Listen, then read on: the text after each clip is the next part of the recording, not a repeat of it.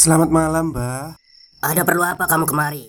Eh, saya pengen punya podcast, Mbak. Biar pacar saya makin cinta sama saya. Loh, loh, loh. Mau bikin podcast kok tanya dukun? Sekarang kamu download aplikasi Anchor.fm. Di situ kamu bisa buat podcast gratis dan podcast kamu bisa didistribusikan ke platform mana pun. Dan di aplikasi atau website Anchor.fm juga terdapat fitur-fitur yang memudahkan kamu untuk membuat podcast. Oh, gitu ya, Mbak. Kalau gitu, saya boleh minta password wifi-nya, Mbak. Buat apa? Buat download Anchor.fm, Mbak.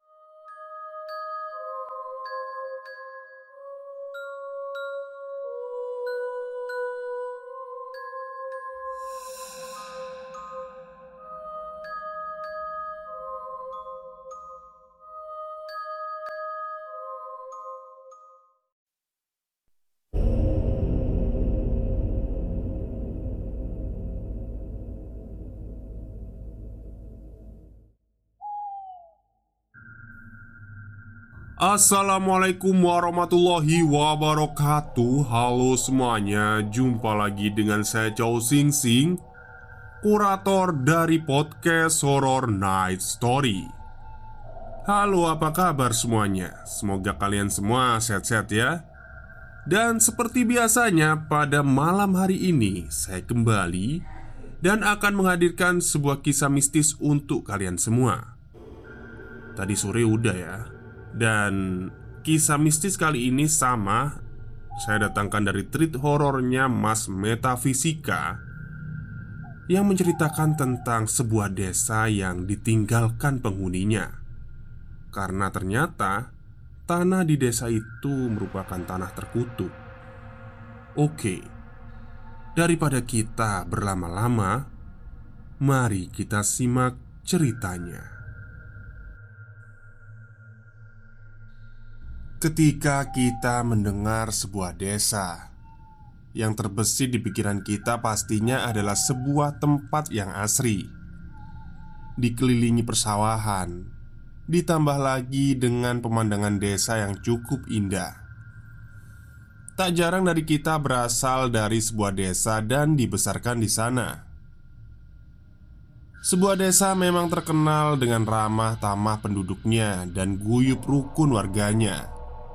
Tetapi ada yang berbeda di salah satu desa yang sudah ditinggalkan di daerah Jawa Tengah. Tepatnya di sekitar lereng gunung di timur Surakarta. Untuk nama desa tidak bisa kami sebutkan karena takut ada kejadian yang tidak diinginkan ke depannya.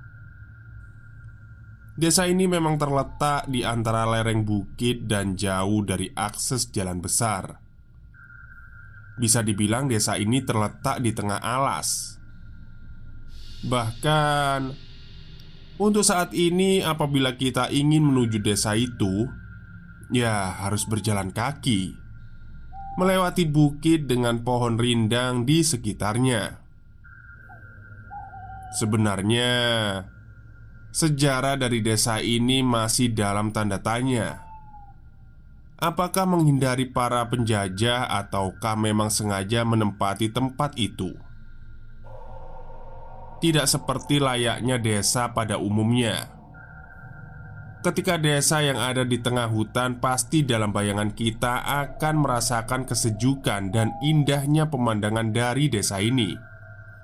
Ditambah suara hembusan angin dan udara dingin yang menusuk tulang. Akan tetapi, yang dirasakan di desa ini sangat berbanding terbalik. Desa ini terasa mencekam, bahkan cenderung wingit. Apabila kita datang ke desa ini sekarang, terdapat banyak bekas rumah yang sudah lama ditinggalkan dengan ornamen lumut dan dedaunan besar yang menyelimutinya. Desa ini memang sudah ditinggalkan sejak tahun 1950 Dan dari tahun tersebut belum ada yang pernah kembali untuk menempati desa itu. Oh berarti desanya udah kosong ya desa hantu ini. Kejadian-kejadian yang ada di desa sebelum tahun 1950 membuat para warga meninggalkan desa itu. Suasana mencekam bukan hanya bisa kita rasakan sekarang. Sebelum desa ini ditinggalkan, suasana di desa itu juga tidak jauh berbeda dengan keadaan yang sekarang.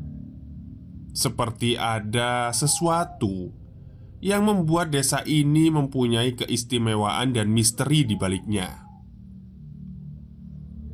Zaman dahulu, desa ini selalu diselimuti kabut tebal Bahkan setiap harinya selalu diselimuti kabut yang kemudian membuat kegiatan warganya terganggu. Hanya momen-momen tertentu saja sinar matahari bisa menyinari desa itu. Oh, ini kayak desa kabut di film Naruto ya. Maklum, sebenarnya secara logika terjadinya kabut di desa ini karena terletak di dataran tinggi dan di sekitarnya masih banyak pepohonan rindang. Tetapi kabut yang ada di desa ini bisa dibilang berbeda dari kabut biasanya.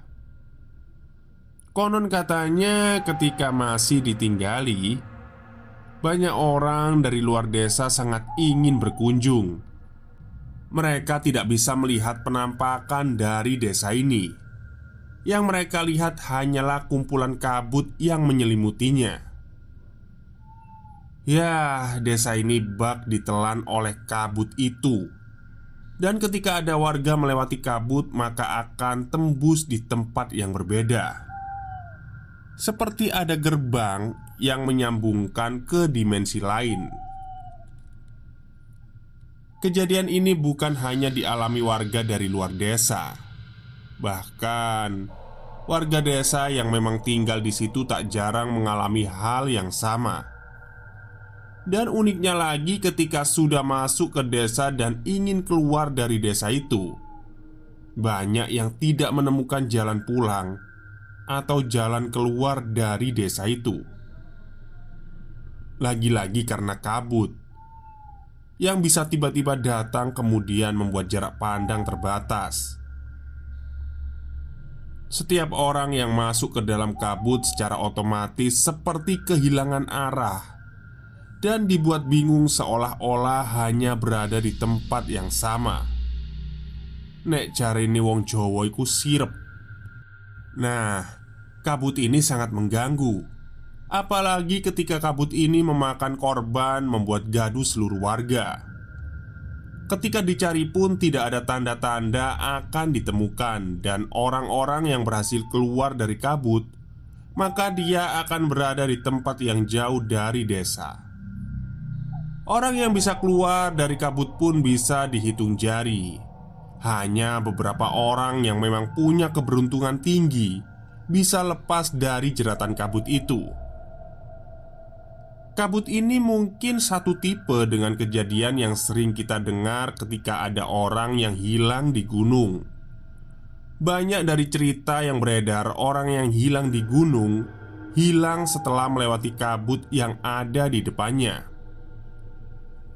Selain kabut yang memakan korban, di desa ini intensitas hujan sangat tinggi. Bahkan Tak jarang hujan hanya turun-turun di desa itu. Bisa dikatakan hujan lokal. Bayangan kita hujan turun dengan jangka waktu 2-3 jam. Tetapi di desa ini bisa seharian turun hujan.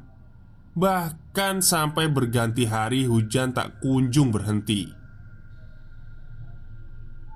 Walaupun hujan adalah sebuah berkah, tetapi kita sebagai manusia perlu adanya keseimbangan alam yang membuat kita nyaman. Bayangkan saja, ketika kita jarang menikmati hangatnya mentari, tidak enak kan di tubuh. Tidak hanya kabut dan hujan, warga desa setiap malamnya selalu dihantui rasa takut Wajar, karena setiap malam datang, warga sering mendengar suara yang tidak tahu asal muasalnya dari mana. seperti suara delman yang melewati jalan desa. Namun, ketika dilihat, tidak ada wujudnya. Suara ini memang sangat khas di beberapa daerah yang memang mempunyai daya mistis yang kuat. Ada juga suara seperti kegaduhan pasar dan suara transaksi jual beli. Lalu, ada suara lalu lalang orang seperti pasar pada umumnya. Padahal, jarak desa dengan pasar itu sangat jauh. Apalagi desa ini terletak di tengah hutan. Tidak hanya itu, ada juga suara khas yang sering kita dengar yaitu suara gending Jawa lengkap dengan lekingan sinden yang menjadi santapan sehari-hari warga desa. Dan bisa ditebak, suara gending Jawa ketika dicari asal muasalnya tidak pernah diketahui. Sebenarnya masih menjadi sebuah tanda tanya, sebab warga meninggalkan hunian mereka ini. Apakah karena gangguan gaib atau tidak adanya keseimbangan alam yang dialami. Tetapi ketika tim menemui salah satu narasumber, dia menuturkan selain gangguan gaib dan tidak ada keseimbangan alam. Dahulu hubungan antar warga memang tidak harmonis, tetapi ketidakharmonisan itu tanpa sebab yang jelas bisa dikatakan seperti diadu domba oleh makhluk gaib yang ada di sana. Makhluk di sana sangat usil, membuat warga saling memusuhi antara satu sama lain. Mungkin itu yang membuat warga desa satu persatu meninggalkan hunian mereka sampai benar-benar ditinggalkan oleh semua warganya. Narasumber juga menuturkan pernah didatangkan tokoh spiritual dan menjelaskan bahwa tanah di desa itu adalah tanah kutukan. Tanah kutukan, tanah kutukan yang dimaksud adalah tanah yang tidak boleh dihuni oleh manusia karena memiliki daya magic yang sangat kuat. Sesuatu apa pun atau sekuat apa pun manusia di situ tidak akan bertahan lama Tanah ini membuat ketidaknyamanan penghuninya, baik itu lahir maupun batin. Dan dijelaskan pula bahwa adanya gerbang gaib yang menyambungkan ke dimensi lain. Lalu lintas di gerbang gaib yang ada di desa itu bisa dibilang sangat ramai, seperti keramaian pasar. Jadi wajar warga banyak terganggu oleh makhluk gaib yang ada di sana. Di Jawa Tengah memang banyak yang menyebut sebuah tanah kutukan. Seperti tanah yang hanya cocok untuk pertanian tetapi tidak cocok untuk berkeluarga. Ketika dilanggar maka keluarga yang mendiami tempat itu hubungannya tidak terjalin secara harmonis Sebab yang sebenarnya memang masih menjadi misteri. Apalagi kita menggunakan ilmu cocok logi Faktor alam Mungkin bisa menjadi faktor utama. Tetapi ketika dicocokkan dengan tanah kutukan Itu juga bisa masuk menjadi faktor utama. Ataukah keduanya mempunyai keterkaitan? Ya, memang semua punya keterkaitan akan tetapi, apa pun itu hanya warga desa yang tahu. Soalnya, kemarin kita tidak diperbolehkan untuk langsung datang ke TKP karena gangguan yang dulu masih bisa dirasakan sampai sekarang, dan takut dilalap oleh kabut yang sering menyesatkan manusia itu. Stop, stop, kita break sebentar. Jadi, gimana? Kalian pengen punya podcast seperti saya? Jangan pakai dukun, pakai anchor, download sekarang juga gratis. Baru-baru ini juga ada kejadian orang hilang ketika masuk ke desa itu. Tidak tahu tujuannya apa dia masuk. dan sampai sekarang tidak pernah kembali. Sudah dicari, tapi hasilnya nihil. Malahan, enam orang yang ikut mencari ikut tersesat, tidak bisa keluar desa.